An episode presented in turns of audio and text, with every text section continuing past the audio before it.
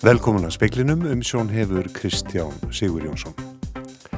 Gert er áð fyrir áframhaldandi hallarekstri ríkisjós en ekki verið gripið til nýðuskurðar og skattahekkana í nýjum fjárlögum, segir fjármálar á þeirra.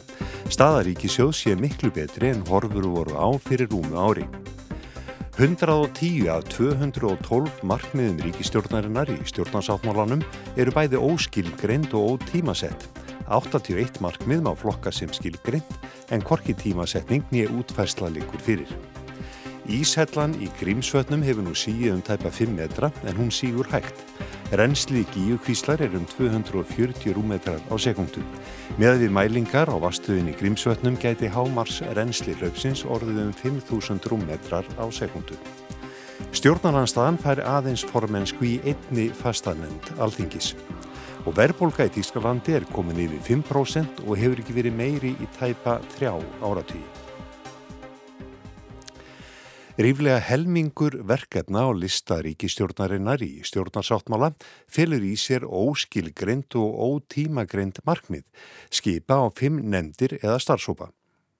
Verkefnalistin í stjórnarsáttmála ríkistjórnarinnar telur 212 klausur í 29 málaflokkum. Heilt yfir má segja að verkefnilistin sé frekar almennt orðaður. Það á að stuðlað mörgu, móta stefnu í mörgum málaflokkum, endur skoða marga lagabolka, tryggja stuðning við ímismálefni, ebla og styðja hinn á þessa málaflokka og horfa til margs. Verkefnilistin gefur í raun góða mynda því hvert ríkistjórninu vil stefna en gefur litla vísmyndingur um hvernig á að komast ángað. Greining fréttastofu á verkefnilistanum leiður ljós að 110 af 212 markmiðum ríkistjórnarinnar eru bæði óskilgreint og ótímasett. 81 markmið má flokkar sem skilgreint en hvorki tímasetningin eða útfæslanleiku fyrir. 21 markmið má flokkar sem skilgreintar og tímasettar aðgerðir, þar sem ekki fyrir að milli mála að ráðist verður í tildegi verkefni og því lokið á kjörtímabilinu. Vissulega erum huglagt mat að ræða og mörkin milli óskilgreindra og skilgreindra markmiða oft á tíðum óljós. En í þeim tilvikum var ríkistjórnin láti njóta vafans og viðkomandi verkefni flokkur sem skilgreint en ótímasett og óútferð. Hveðið er á um fimm útektir eða skipanir nefnda, meðal annars um selabankan, áhrif sjávar útvegs á þjóðbúskapin og stjórnarskramál. Magnús Geir Ejjólfsson tók saman. Fjárlaga frumvarp ríkistjórnarinnar fyrir næsta ár verður kynnt á morgun og var það rætt á ríkistjórnarfundi í hádeginu. Bjarni Benediktsson, fjármála og efnaðansar á þeirra segir að gert sér áð fyrir áframhaldandi hallarækstri ríkisjós en að ekki verði gripið til nýðurskurðar og skattahækana. Já, við verðum með halla á næstu árum, ekki bara næsta ári heldur áfram en staðin er miklu, miklu betri heldur en að við horfum fram á hér fyrir kannski rúmu ári síðan Þetta er að þróast allt í rétta átt og við munum uh, koma miklu betur út úr þessum faraldri heldur en við óttuðumst. Skattahækkanir og niðurskurður framöndan? Nei, við erum ekki að búa skattahækkanir eða niðurskurð. Sagði Bjarni Benediktsson, hörskuldur Kári Skram talaði við hann. Rensli á Niggi kvíslefur aukist síðustu daga og er nú 240 rúmetrar á sekundu. Vatnamælingamenn veðustofunar hafa verið í störfið bakka árinar í dag vegna 6 ísellunar í grímsvötnum síðustu daga. Ísellan er núna síin um 5 metra og benda mælinga til þess að brátt fara að hlaupa úr vötnunum. Um 10% minna vatnir í grímsvötnum sangkvæmt mælingum jarvísindastofnunar en var áður en Íshellan fóra síga. Hámars reynsli hlaupskæti orðið alltaf 5.000 rúmmetrar á sekundu en ekki er þó hægt að fullir það að svo verði raunin og ekki er vist að tæmist úr vötnunum. Hlaup órói mælist á skjáltamælum sem bendir til þess að vatsi farið að streyma undan jökli. Rafleðinni vex hins vegar mjög hægt í áni og ekkert gas mælist enn á svæðinu. Árs verðbólgan í Þískalandi fór í þessu mánuði í 5,2% og hefur ekki verið meiri í 29 ár.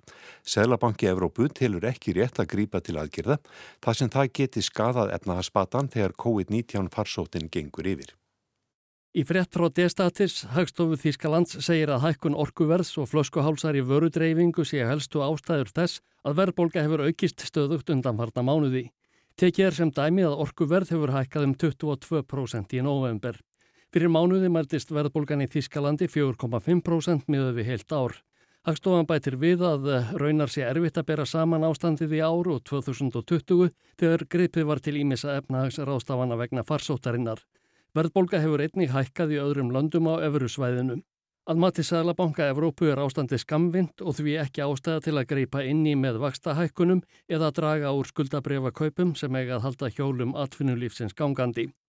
Kristín Lagarde, yfirmaður Sæðlabankans, segir í dag í viðtali við Þíska dagblæðið Süddeutsche Zeitung að yngripp hegi ekki eftir að bæta einu einasta gámaskipi í kaupskipaflótan eða fjölga vöruflutningabilstjórum. Ástandið eigi eftir að lagast og verðbólgan að líkindum að hjáðina strax á næsta ári. Ásgeir Tómasson saði frá. Grunurleikur á að tveir einstæklingar sem komu nýverið frá Suður Afríku til Svíþjóðar séu smitaðir af ómikrón afbriði kórnuveirunar. Frá þessu greinir sænska dagblæði dagins nýheter. Jákvæð síni einstaklingana voru sendið í aðgreiningu og er niðurstöðu hennar nú beðið. Smitrakning er hafinn í Jöngjöping þar sem hinn er smituðu búa. Formenn þingflokk á alþingi ræða í dag og í kvöld hvernig skipta skuli formensku og sætum í fastanendum alþingis millir flokka.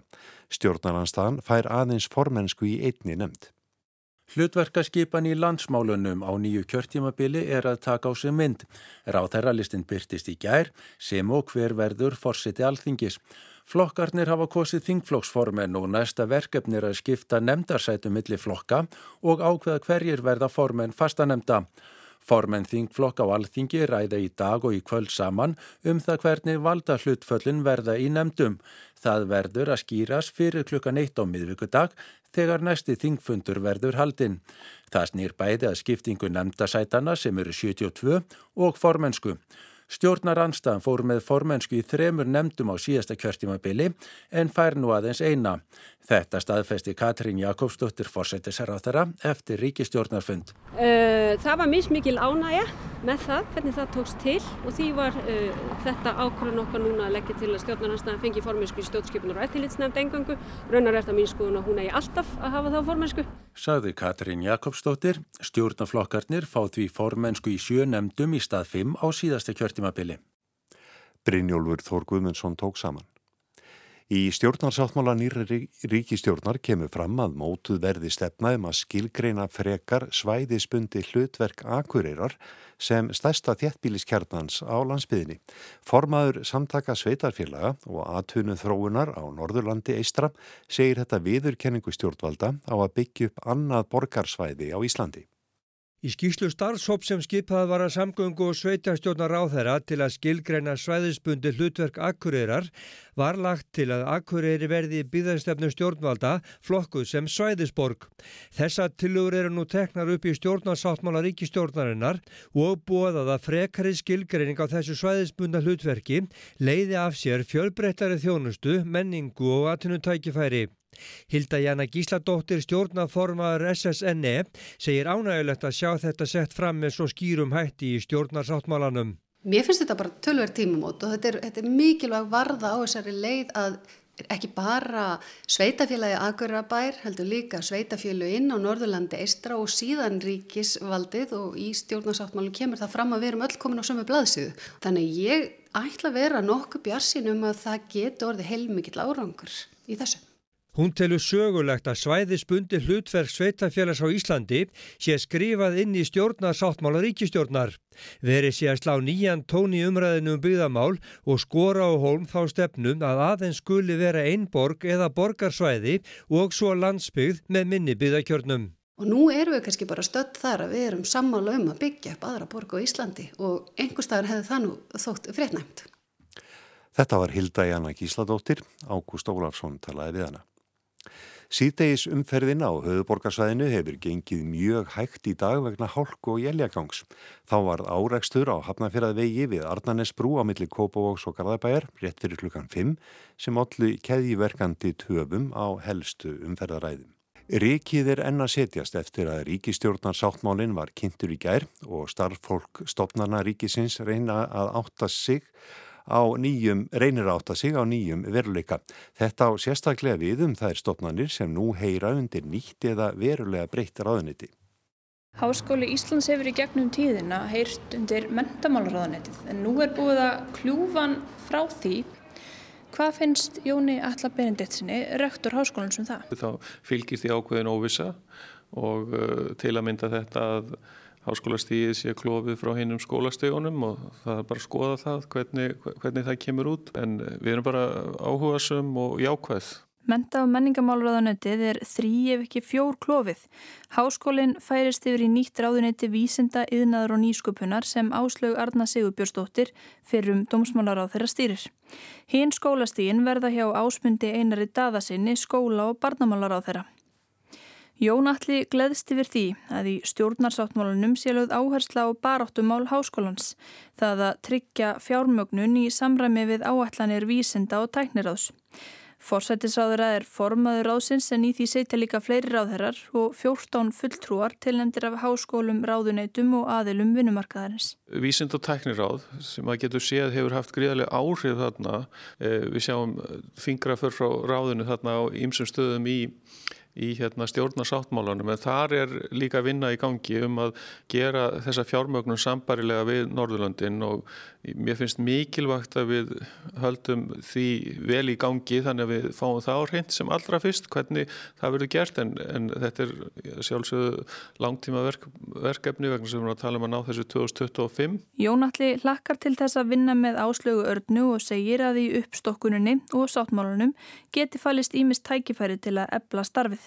Sáttmálinn gerir vissar kröfur til háskólans en rými líka vel við vinnu sem þegar sé í gangi innan hans. Hann nefnir til dæmis áherslu á fjarnám og íslensku kjenslu, það að styrkja rannsóknarsjóði og bæta í rannsóknir um allt land. Þá stiði ég áform stjórnvalda um að auðvelda erlendum sérfræðingum að vinna hér á landi við markmið háskólansum að láta meira að sér kveða í alþjóðasamstarfi. Við erum komin miklu meira svona í ringiðuna og ég myndi segja að háskólakerfi hér það þarf að halda áfram að ebla það til þess að gera okkur ennþá samkeppnishæfari og svo er bara að takast á við áskorunna sem svona beinast að okkur en ég sé bara tækifæri þessum stjórnarsáttmála. Félag háskóla kennur allar að skoða sáttmálan á miðugudaginn og fundumann en ég veit að stúdandur á Háskóla Íslands er þegar byrjað að rýna. Góðan daginn, er Ísabel hérna? Já, hún er hérna í... Já, ég heiti Ísabel Alejandra Díaz og er fórsetið í stúdendráðs. Við erum svona vongóðum að nýra áherra og stúndarhefingarnar og stúndahópurinnurinni getur unnið mjög vel saman að þessum eru unnið sammeilum markmiðum. Um, svona hvað varðar það að háskólastegi sem komið út fyrir svega þá telum við að sé ákveðin tækifæri fólkin í því eh, með ég segja og það stemmir á okkar mati að, háskólamálinn séu með vísindunum og e, nýskupun og, og, og rannsóknum en það er það eitt helsta markmið háskólan að skila á sér þekkingu inn í samfélagið. En, en teljum líka að þurfum svona að hafa í huga að háskóla nám eru þetta mjög vítt og þarf að vera á breyðari vettvangi eh, vegna þess að markmið þess er ekki einungis að að skila einstaklingum inn á aðurumarkaðin heldur er það miklu hlutverk þessin miklu starra en það og í því samingi finnst mér verðt að nefna að alla námslegir og öll fræðasvinn við Háskóla Íslands eru þetta mjög mikilvæg og skipta sköpum fyrir bara Íslands samfélag. Í stjórnarsáttmálunum er vissulega mikil áhersla á nýsköpun, aðlögun að tæknibreitingum og það að ebla raun og tæknigreinar.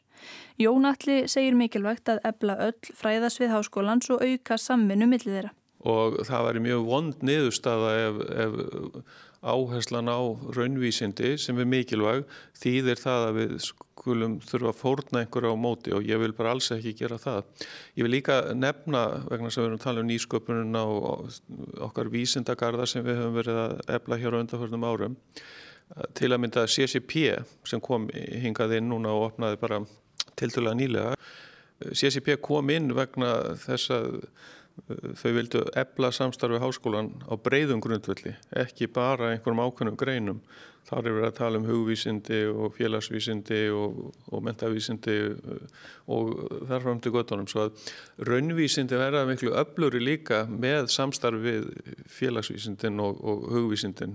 Svo við þurfum að bara halda áfram á þeirri braut að ebla allt háskólastarf og og ég les það ekkit endilega út úr sáttmálunum að það sé ekki ætluninn þó að sé meira að talað um teknibreitingar og, og uh, nýsköpun en þetta á alveg við um allt og, og tæknibreitingar skipta líka miklu máli í hugvísindum.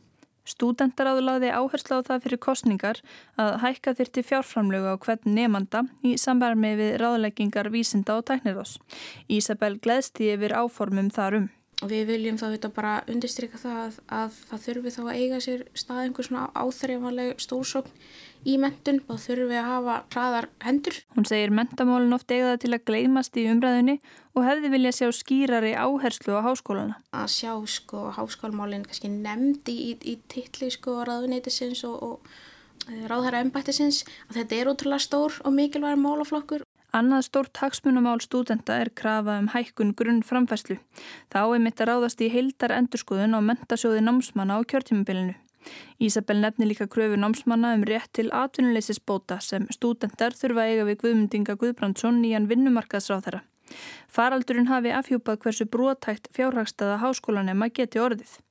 Ekki er fjallað um þessi máli í stjórnarsáttmálunum en Ísabel vonar að stúdendar hafi náð eirum ráðamanna. Og við höfum reynd að mæta mjög undirbúin til leiks og erum alltaf með tilögur og raukstunning á bakveða sem við segjum. Það þarf eiginlega held ég að sjá hvernig svona samtalið fer þannig að við getum í raun ekkit annað en, en við erum bara jákvæð og, og vongóð og hlaka til að vinna með nýju, nýju fólki. Sagði Ísabel Alejandra Díaz. Arnildur Haldanadóttir talaði við hana og Jón Alla Berendiktsson. Það heyri líka til tíðinda í stjórnarsáttmálunum að búið sé að splæsa orku, lofslags og umhverfismálum saman í eitt ráðuniti. Því stýrir Guðlugur Þór Þóruðarsson sjálfstæðisflokki. Umhverfisvendasamtökin Landvernd hafa gaggríntir á það hægin en Halla Hrund Logadóttir, orkumálastjóri, segir í þessu félag stýrma tækifæri. Þetta er auðvitað tölvöld breyting en ég held að hún geti verið mjög góð fyrir sviðið í helsinni. Um, orkumálinn og loftslagsmálinn er auðvitað sikkur hliðin á sama peningnum. Uh, við erum að takast á við loftslagsmálinn vegna mengunar og vegna útblástur. Uh, þannig að þegar við ætlum að leysa það, þau mál þá þurfum við að horfa á orkuskipti. Orkuskiptin eru raunar nefnd átján sinnum í sáttmálunum. Aftur á um móti er ekkert minnst á stóriði. Ég held að séu sé tíðindi í því hversu stert þetta markmið kemur fram og ég held að stóra áskorunin eh, eh, fram á við sé framkvæmdinn sjálf. Að við pössum upp á að orkan sem við framleiðum, samankvæmt við framleiðum hana nú þegar eða í framtíðinni, rati í orkurskipti. Henni hún rati þangað og nýtist í þessi orkurskipti sem eru svona mikið efnarslegt og umgjörðslegt tækifæri fyrir okkur. Það þurfi að tryggja að laga umgjörðin þjóni þessu markmiði og réttir kvatar séu til staðar. Stjórnvöld ætla sér að ljúka við þriðja áfanga ramma áallunar en þrýr síðustu umhverfisráðherrar hafa reynda að koma honum í gegnum þingið á nárangurs. Tilstendur að fjölga kostum í byðflokki og endur skoða verndar og orkunýtingar áallun frá grunni. Í yfirlýsingu sem umhverfisvendasamtökin Landvend sendu frá sér í dag segir að áformum að ganga gegn áliti fagaðila um röðun í flokka rammaállunar séu stríðsyfirlýsing. Þá óttist samtökin að með því að slá saman orkumálum og náttúruvend í eitt ráðuniti skapist hægt á að fjársterkir aðilar sem sækist eftir að virkja og spilla íslenskri náttúru fái mun meira vægi í ákvörunatöku. Halla segir enn óljóst hver stefna ríkistjórnarinnar verði í þessum málum. Ég held að liggi ekki í augum uppi nákvæmlega eins og orðalagið er í stjórnarsáttmálunum. En hún telur styrk fólkinni því að hafa náttúruvend og virkjana máli í sama ráðunetinu að því gefnu að unnið sé rétt úr stöðunni. Eh, það er að segja að það geti eld samtal, hjálpa okkur að finna gott jafnvægi og langtíma lausnir eh, því að, að það er afar mikilvægt að, að þessir málaflokkar eh, tali vel saman. Því við viljum auðvitað passa upp á við séum með hóflega vandaða nýtingu á, á, á orkuöldunum en á sama tíma skiptir náttúrun okkar sem er líka að aukast í virði á tímum lofslagsbreyninga. Það skiptir máli að, að halda góðu jafnvægi. Sagði Halla Rund Lóadóttir, orkumálastjóri, Arnhildur Haldanadóttir talaði við hana.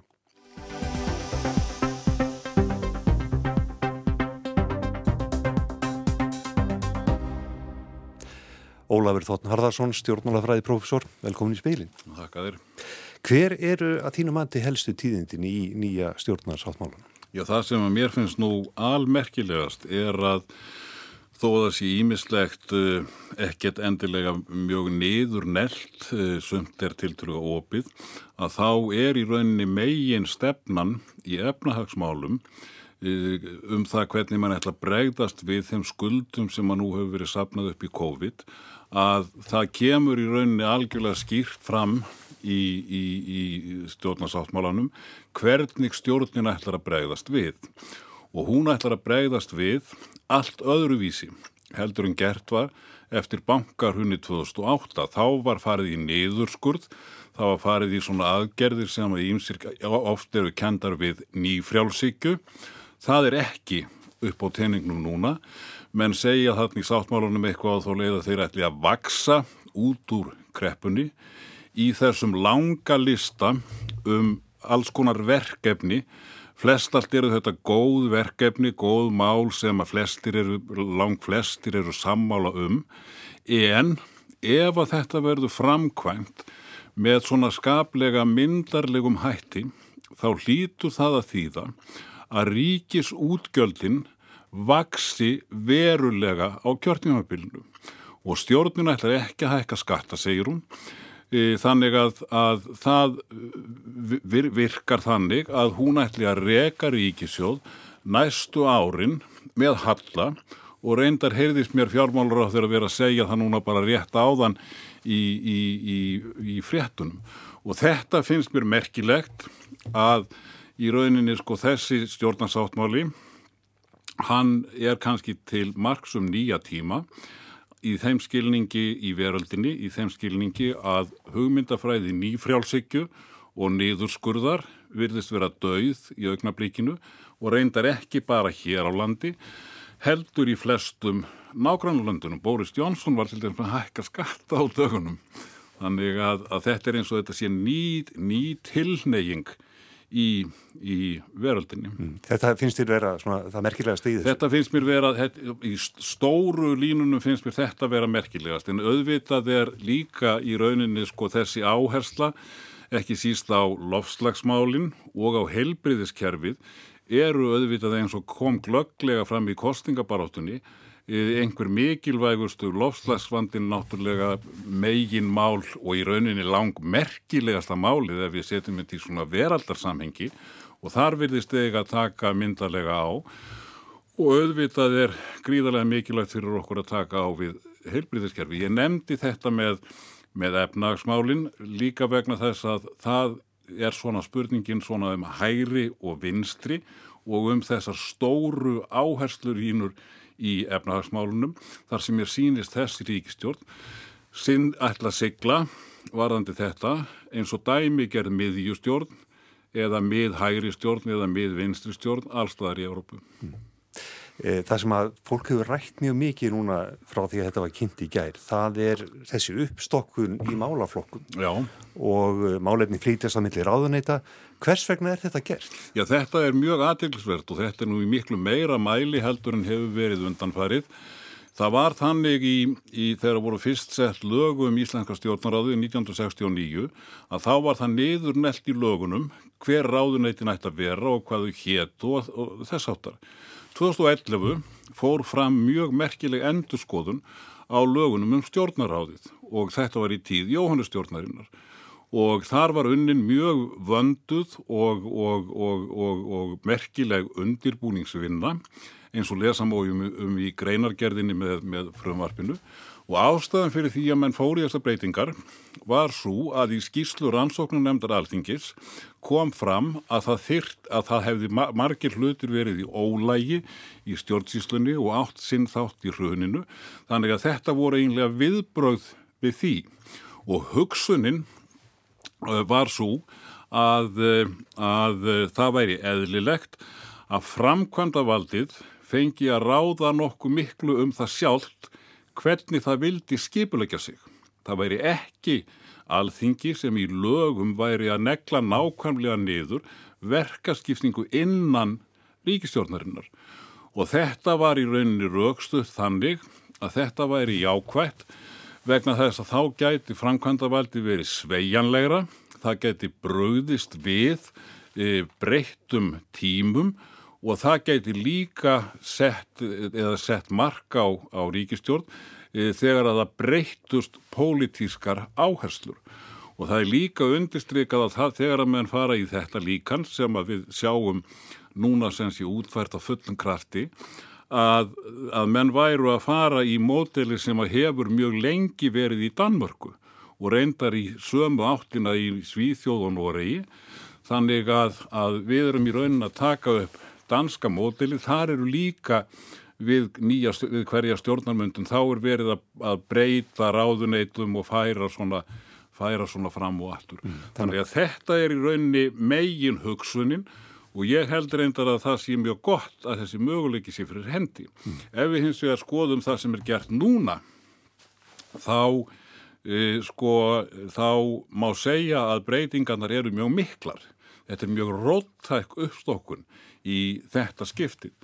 Og stjórnin þarf eiginlega útskýra akkur og vil ganga svona langt vegna þess að á sama hátt og ég held að þessi sveianleiki sé mjög mikilvægur þá er það auðvitað líka eitt af mikilvægustu einkennum á góðu uh, stjórnsýslukerfi að þar sé líka festa og, og einhver stöðurleiki þannig að þetta er svolítil línudans fyrir stjórnin á milli svejanleikans og breytingana og hins vegar festunar og, og íhaldseminar í rauninni. Já, e, menn hafa samt sem áður sett þarna spurningamerki við, já, kemur í huga þarna þrengt, það er annars, það er, það er fyrsta lagi að, að splæsa saman orkumálum og umhverfismálum í sama raðuniti, mm -hmm. e, viðskiptum og menningarmálum mm í sama raðuniti og síðan að mentamálraðuniti það er eiginlega tvístrað, farið út um allt. Já hver er ástæðan þarna að baki? Er þetta já, bara pólitík? Það hefur í rauninni ekki verið, já, ég hef ekki séð á þín einar sérstaklega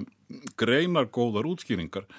E, sumir segja að þetta sé nú bara eins og þetta hefur verið reyðið upp úr hatti. Ég held að það sé ekki þannig. Ég held að það sé hægt að færa ímis rauk fyrir öllum þessum, öllum þessum aðgerðum en, en ég hef bara ekki heyrt þau en þá. Þannig kemur kannski svolítið og óvart að, að hérna að uh, eh, mentamálaráðundi sé sett í, í, í þjá parta en það þarf ekkit endilega að vera órökriðt.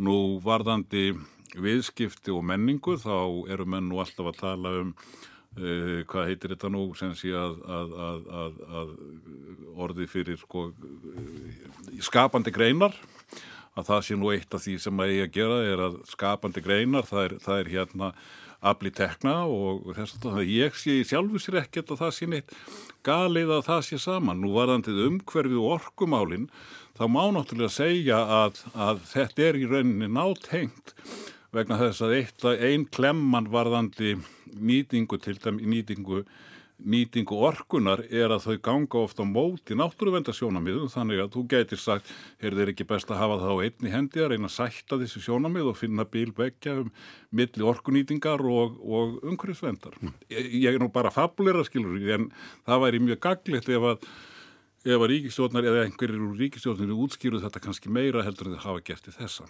Örstöðt í lokiðin Ólaður áður með hættum Eh, Stjórnarnarstaðan segir þetta að verði kyrstöðu stjórn, það kemur ekki neitt, neitt til með að breytast, hefur þú trúið því?